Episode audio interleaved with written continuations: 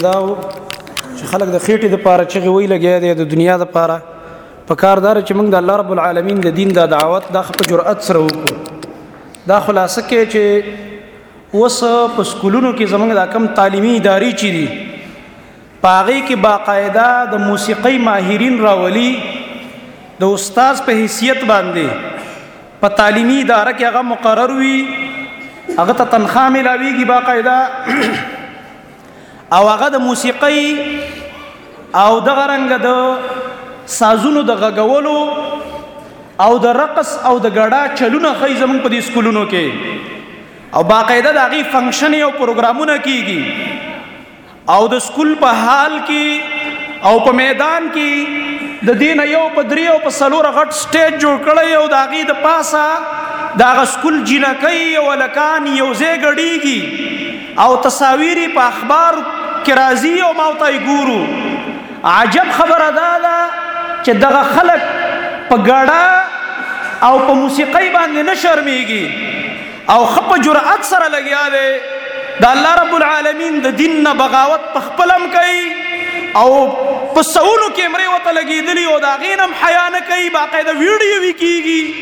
میډیاو ته متوجي وي په ټي وي نشر کیږي اخباراتو کې راځي او نن زمونږه د دین په منصب باندې فائز علما او هغه د دین ذمہ داران ملګری هغه د مصلحتونو ښکار شوی دی او چې لا ودرېګه مولای صاحب د دې وخت لا نه دی راغلی د دې وخت به زمونږ د مرګ نه بعد راځي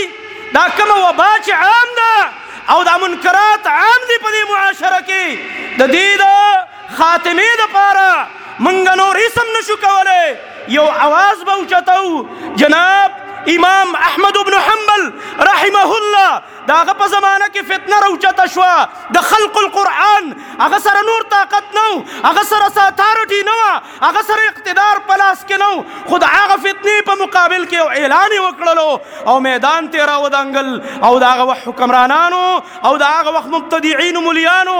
او د مصلحت ښکار هغه علما چې ښه په دې مسله پوهېدل هغوی ټول د میدان نه شاته شو او یو واحد امام احمد بن حنبل رحمه الله هغه د عظیمت پیکر په میدان کې ولاړو او زما محترم ورونو نن پورې د هغه نوم په تاریخ کې موجود دی او هغه ته امام اهل سنت ویل کیږي دا لقب هغه په دې قربانۍ باندې وګټلو من کله اسلام په تاریخ باندې نظر واچو په هر زمانہ کې چې په هر رنگ کې کوم فتنه راوچته شوې ده دا غي مقابله دا غ وخت حق پرست علما وکړي دا او ان شاء الله تعالی د دې زمانه چې په هر رنگ کې سمره فتنې دي دا غي مقابله هم ان شاء الله تعالی د رب العالمین په توفیق باندې دا حق پرست علما او شيوخ او موږ تاسو به کو ان شاء الله تعالی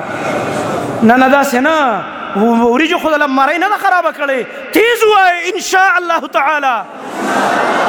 د دې ان شاء الله تعالی سره د الله مدد تړل شوی دی یاد وساتئ زما محترم ورونو تاسو کې اکثر د مساجد خطبه ناشتي امامان ناشتي د دین په یو منصب باندې فایز یي مدرسین ناشتي ځان تسپک نظر ونه کوي والله کده حق اعلان وکړو دا یو انقلاب روچتئ زما محترم ورونو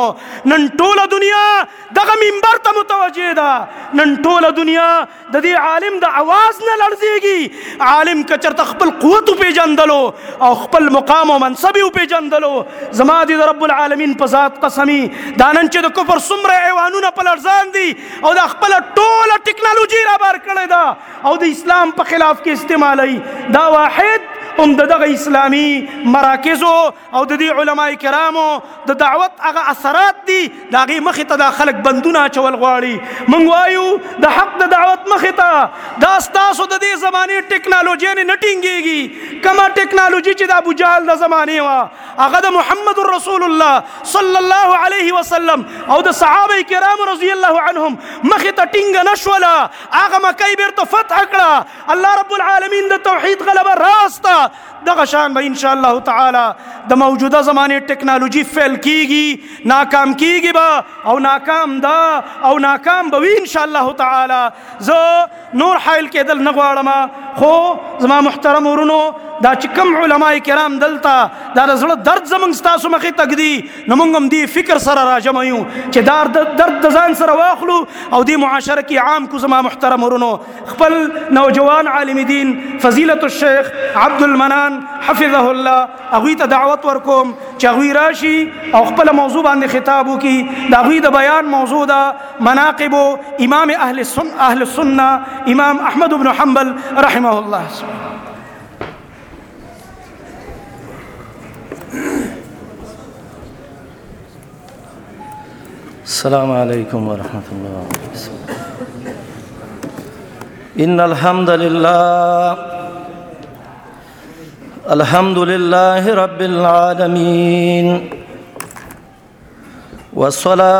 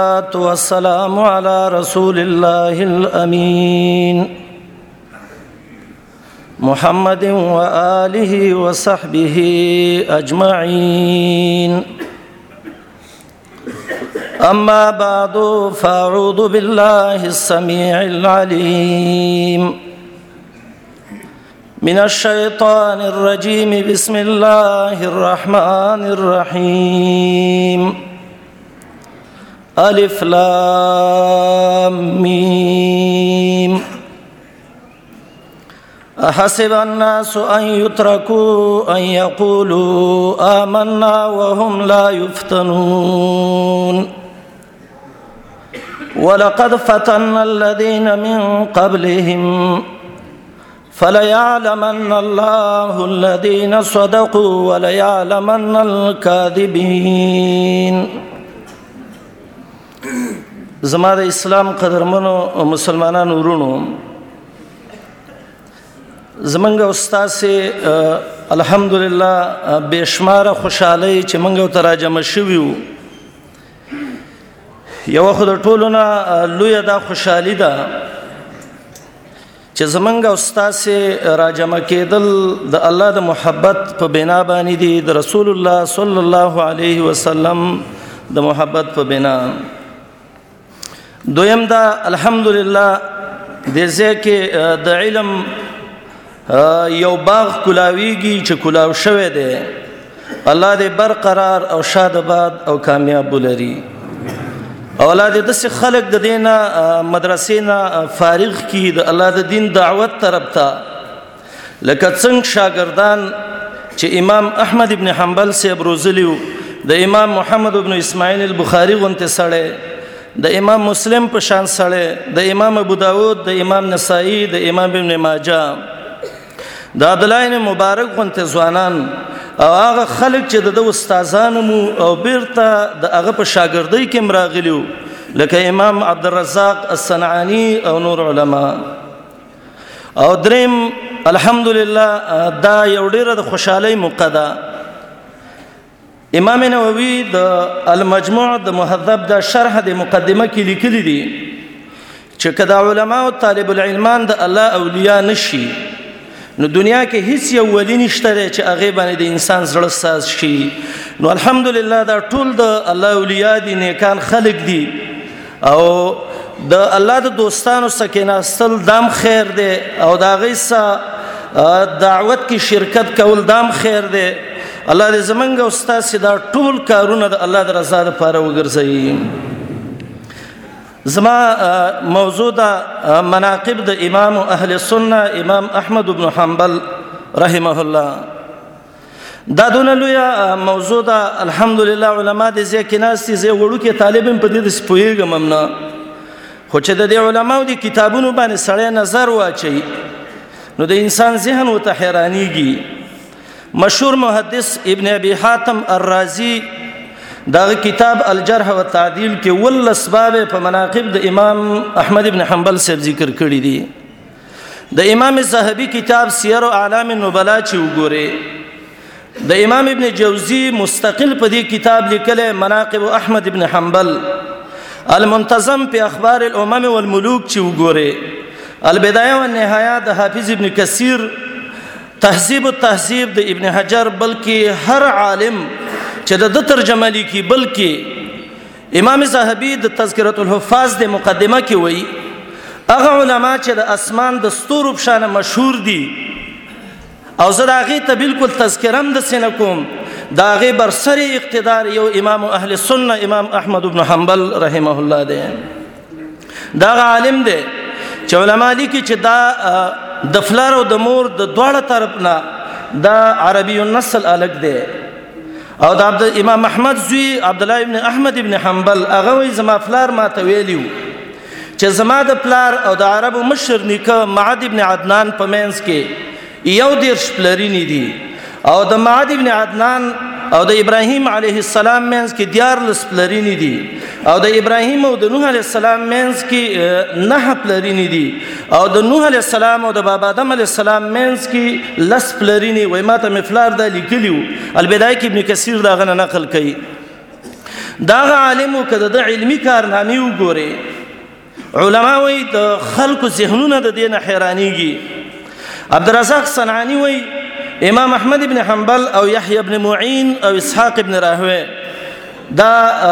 ډیر لوی علما د دې امتو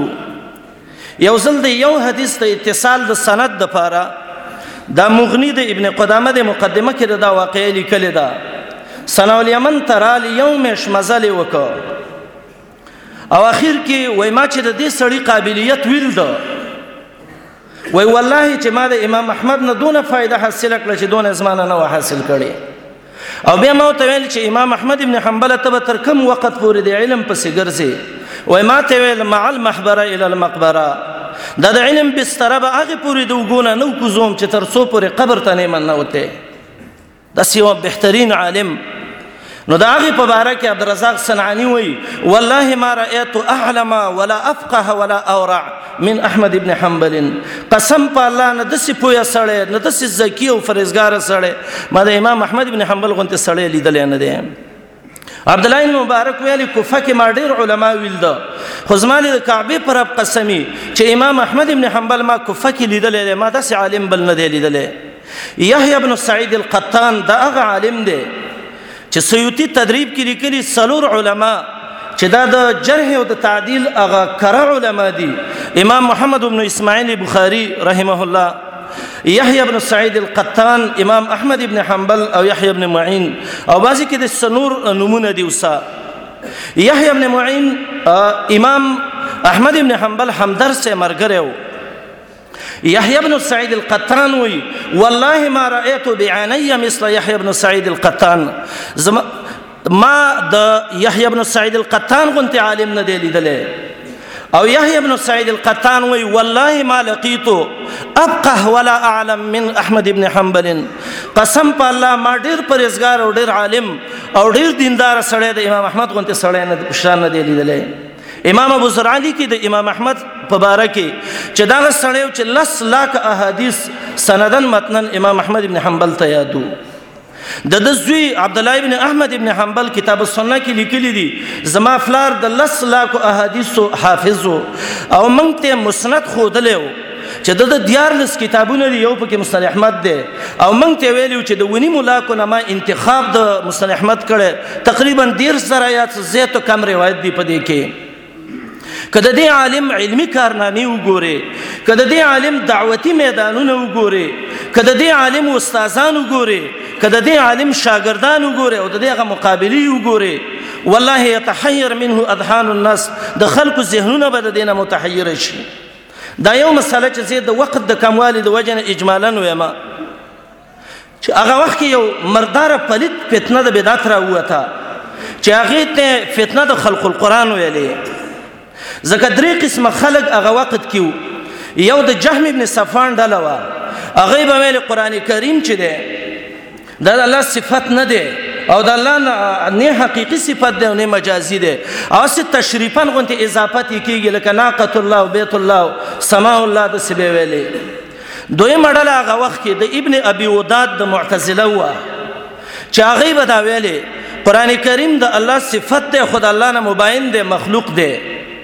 او دریم جماعت هغه جماعت د اهل سنت والجماعت چې هغه به ویلې القرآن کلام الله قرآن د الله کلام دی او مخلوق نه دی دغه وخت کې امام احمد ابن حنبل د درې بادشاهانو مقابله ته راوته و نن کومه تاسو باندې تکلیف راشي نو ان شاء الله دا هغه په خوانه میراثي سیس دی چې دا راځي سعد ابن ابي وقاص رضی الله عنه ما محمد رسول الله سلام ته ویلې من اشد الناس بلا ډیر امتحانات چا باندې سخت راځي وای ماته ویل الانبیاء ثم الامثل فالامثل پیغمبرانو باندې الله ډیر امتحانات راولي به چې څوک ډیر غوري الله تاغي باندې راولي او یصيب الرجل بقدر دينه چا کې چې څونه دیني نو الله پیغونه امتحانات راولي تاسو د دې ځوان هغه مقابله ته وګورئ امام بهقي لیکلی دی او ابن کثیر هم البدایه کې د دین نقل کړی دی چې د بنی امیه او د بنی عباس په خلافت کې د مامون نمخ کې چې څونه خلیفګان راغلي نو کانو علی نهج السلف دا د سلف الصالحین چې کوم منهج د فقهه باندې کله چې ترسوس ته مامون لاړ نو الته معتزله او تراجم شو ابن ابي وداد د هغه په مشرۍ کې یا ابن ابي داوود بعضی خلک وي نو د په دې عقیده باندې مهنت وکړه او عقیده ول دې ته جوړ کړه چې قران کریم دا د الله کلام مخلوق دی دا یو ټکی ول ذهن کې ولیکو هغه د هغه ځای نه بغداد ته خط ولیکه هغه وخت کې د بغداد ګورنر و اسحاق ابن ابراهیم او هغه ته ولیکل چې په ملک کې اعلان وکا چې قران دا مخلوق دی او که څوک یې نه مني جیل ته واچوي اولنې هغه سړی چې د دې فتنې په خلاف کې راووته امام اهل سنت امام احمد ابن حنبل او امام احمد ابن حنبل وایي ما سره ګڼ کسان ودرېدل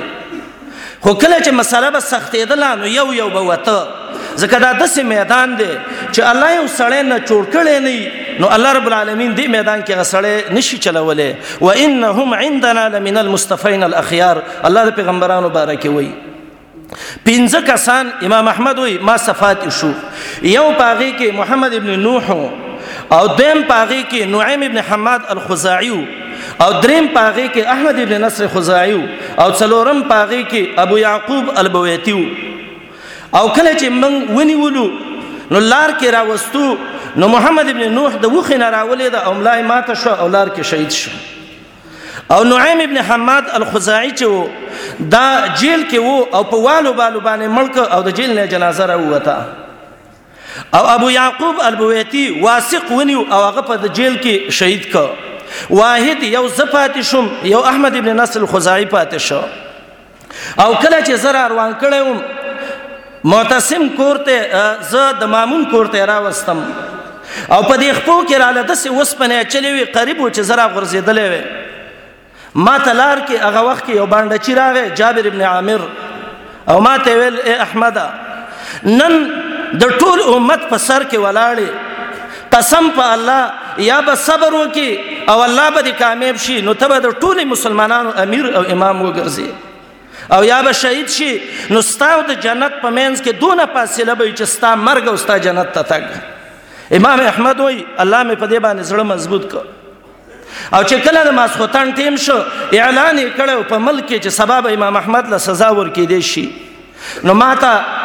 د مامون خادم راغې او ماته ویلې خبره تکوم جړلې وای مال چې ولی جړلې ویل چې قسم په الله مامون تور راځلې دا او په قرابت د محمد رسول الله قسم کړو پر رب د کعبه چې سار بدا تور د احمد ابن حنبل په بدن کې یخوم امام احمد په زنګنانو باندې کیناس او د دې سترګو نه وښ کې رااله او دعا یې وکړه یا رب غر هذا الفاجر حلمک الله ستا صبر دا فاجر الله رب العالمین دوک کړی دی امام احمد وای شپلا سبا شوی نه و الله کوي څه چې وغواړي د سبا نه مخکې आवाज وشو چې مامون مردار شو او مړ شو ټول مسلمانان انتهایی د اختر د خوشحالي ورځ وا وای زم خوشاله هم چې په ما باندې الله راحت راولي سبا له ګورم معتصم بی دینه اعلان وشو چې دا بادشاہ شو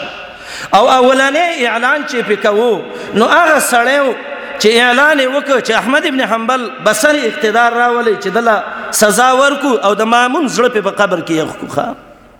امام احمد وای زیرا وستم او چې را وستم په داسې حال را وستم چې قریب هم چې زه ختم شوی وې او لمه چاودلې وې لار کې الله څه کوي یو غل راغې خالد الحداد وې ما ته ویل چې احمد خبره تکوم زه د دې ټوله علاقې د غلو د غیمه ده امیرم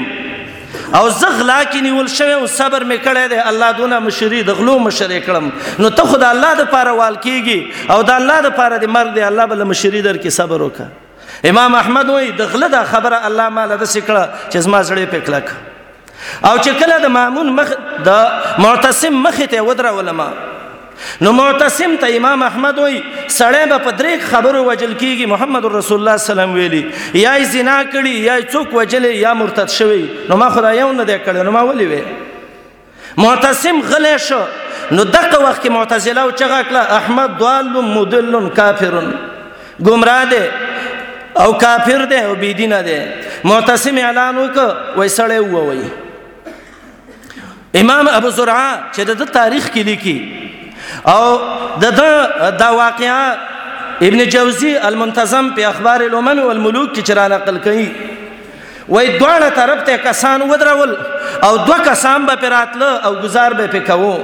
او چې اولنې گزار په احمد وکړ امام احمد ویل بسم الله الرحمن الرحیم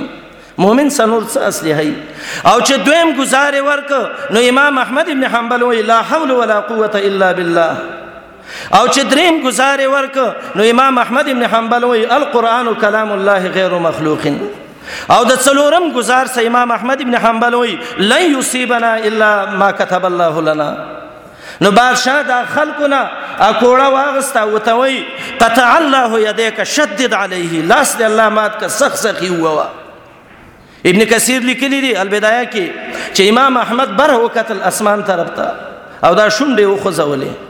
وای چا ورته ویل روستا چې دا شونډې دی ولې وخوځولې څه دی ویل وای چې گزارې راک نظمات تلک تسراویل هغه د پرتګ هغه پرتګاخ مې وشلید وای مال چې الله کدا عقیده زما ستاده رضا ده پر الله و من شر مې رب العالمین الله وای هغه کله کده قصې او دا امام احمد ابن حنبل وای کله چې زه او عالم په دې مسله کې او زما والده ته ورسېدل چې د اتیاو گزارونو ته ورسېده نو زه به بهوش شوم او زما د بهوشۍ اخیرنې انجام دا راووته چې کله مازیګر ټیم شه او زه هوش کې رالم نایي راولېګ او بالټې ول ورکړیو او ته ویلو چې په کوم گزارونو د امام احمد د بدن نه غوخي جدا شوی دی هغه ته راکټ کړي او یو بالټې غوخي زما د بدن نه کټ شي الله اکبر داسې دیندار سړی داسې یو مجاهد او یو انقلابي سړی کړه د تاریخ سړی وګوري په دې حالت کې دی ډوړی ولا چا راوړه د دوه ورځو وګې دی نو هغه وای دا ډوړی د کم زیاده وای دا ستاد تر د صالح د کورنه وای دا خو د بيدینه بادشاه سکار کوي دا حرامه دا زنه خورمه الله اکبر دی ایمان د ته وګورئ البدایه کې ابن کثیر لیکي چې د دا یو خبره نه و امام شافعی رحمه الله چې د دې امت یو لوی عالم دی هغه ته یو ځل وای اے احمد که خپکیږي نه یمن له قاضي په کار دی او زبر د یمن قاضي کوم بادشاہ ته به ویم نو امام احمد ابن حنبل وتوي و د ظالم بادشاہ د لاندې ته په ما قضا کې زما د پرب قسمی ولولا العلم ما کلمتک ابدا کله دی علم حاجت مې نه ما به تاسو قیمت پورې خبرې نه وې کړې ګوره ته ماته د ظالم بادشاہ وظیفه طرف ته دعوت راکې چې د سوهدا وکا درې ورځې ابن کثیر البدایه کې لیکلي دي د امام احمد کور کې د ډوړی درک نو درېمه ورځ سوړې پیدا کړ سوالی د چانه راوغ زری دغه کړ دا ډوډۍ په خښوه او مخې له ولراوړ خزي ته وای دا څه دي دا څونه زر تیار شو وای د صالح چې استاد تر دې صالح ابن حنبل دا داغه د کور تنور ګرم و منګه په زر وړي په خکړه نو امام احمد ابن حنبل وته وي دا ډوړی اوچته کوي زما د مخینه صالح حرام خور دی د بيدین حکومت د ظالم حاکم سکار کوي او هغه لرګي چې دا تنور په ګرم شوی دی نو هغه حرام دی نو په حرامو چې مال ډوړی پخ شوی دا زنه خورم او بچو ته وي زما د کور او د صالح د کور په منځ کې در او دیوال وکي او ختمې کوي چې زما د دې سبیل کول تعلق ختم شي امام اهل سنه ابو عبد الله احمد بن حنبل الشیبانی المروزی البغدادی هغه سړی که مقام د علم ته وګوري سړی او ته حیرانيږي دیار لستصانیب د کړی دی دا یو مسند احمد چې څونه قیمتي کتاب لیکل فجزاه الله عنا خیر الجزاء دا لوی لوی کتابونه د دوګوري سړی او ته حیران شي که د بادشاهانو سره مقابله ته وګوري د امام احمد مقابله د خلکو ذهنونه ته حیرانيږي که د امام احمد ورع او پرزګاری ته وګوري د انسان ذهن وته حیرانيږي که د امام احمد د دعوت مقام ته وګوري د انسان ذهن وته حیرانيږي او دا ځان له امام احمد نه د دې کبار علماو دا سلسله ټوله د سی وګوري امام مالک په طلاق د مکرح کې چې بادشاه به په زور خلکو باندې خزه طلاق ولې او نکاح به پتړله امام مالک نه پته وغوښتاغه او ته وای د زور طلاق نه واقع کیږي محمد رسول الله صلی الله علیه وسلم ویلي امام مالک وای دونه عالم چې زما د شاه هغه کمیس وشلې ده او لاس می اوچتاو خلاص می نشو چتاولې بادشاہ وی طلاق د مکره واقع کیږي کنه نو امام مالک وتوي اقول تحت ظلال السيوف طلاق المكره ليس بشيء شیخ الاسلام احمد ابن تیمیه داغه حالت وګوري د جیلونو کې زمورونو دونه یو سبق منګو تاسو ته دی کنن زمنګ داخلي چې ابو بکر رضی الله عنه برا پاتېږي او د بنو حنیفه سره چې څنګه اعلان د جهاد وک او اعلان جهاد به وکي او منګو تاسو به ورپسیو عمر ابن الخطاب براشي لکه څنګه چې د روم او د فارس فاتح دی او زمنګ د کافرو د ملکونو فاتح به وګرځي علی او عثمان براشي امام احمد ابن حنبل غنت خلق براشي د شیخ الاسلام ابن تیمیه غنت خلق براشي دا سوچ با سی وای نن دین منګ او تاسو ته پاتې شوې ده دې میدان کې منګ او تاسو راوتیو الله دې زمنګ ثبات او استقامت نصیب کړي او الله رب العالمین دې منګ د دنیا نه خبوزي سپیم مړ کیږي او سړی مړ کیږي کافر مړ کیږي او مسلمان مړ کیږي الله دې د دنیا نه من خبوزي خم مرګ داده چې د ایمان سي اذا كانت الاجساد للموت خلقت فموت سبيل الله بالمرء اجمل الله دې زمون استقامت نصیب کړي الله دې موږ د الله د دین لپاره داعین او دعوت کوونکي جوړ کړي اقول قولي هذا استغفر الله لي ولكم ولسائر المسلمين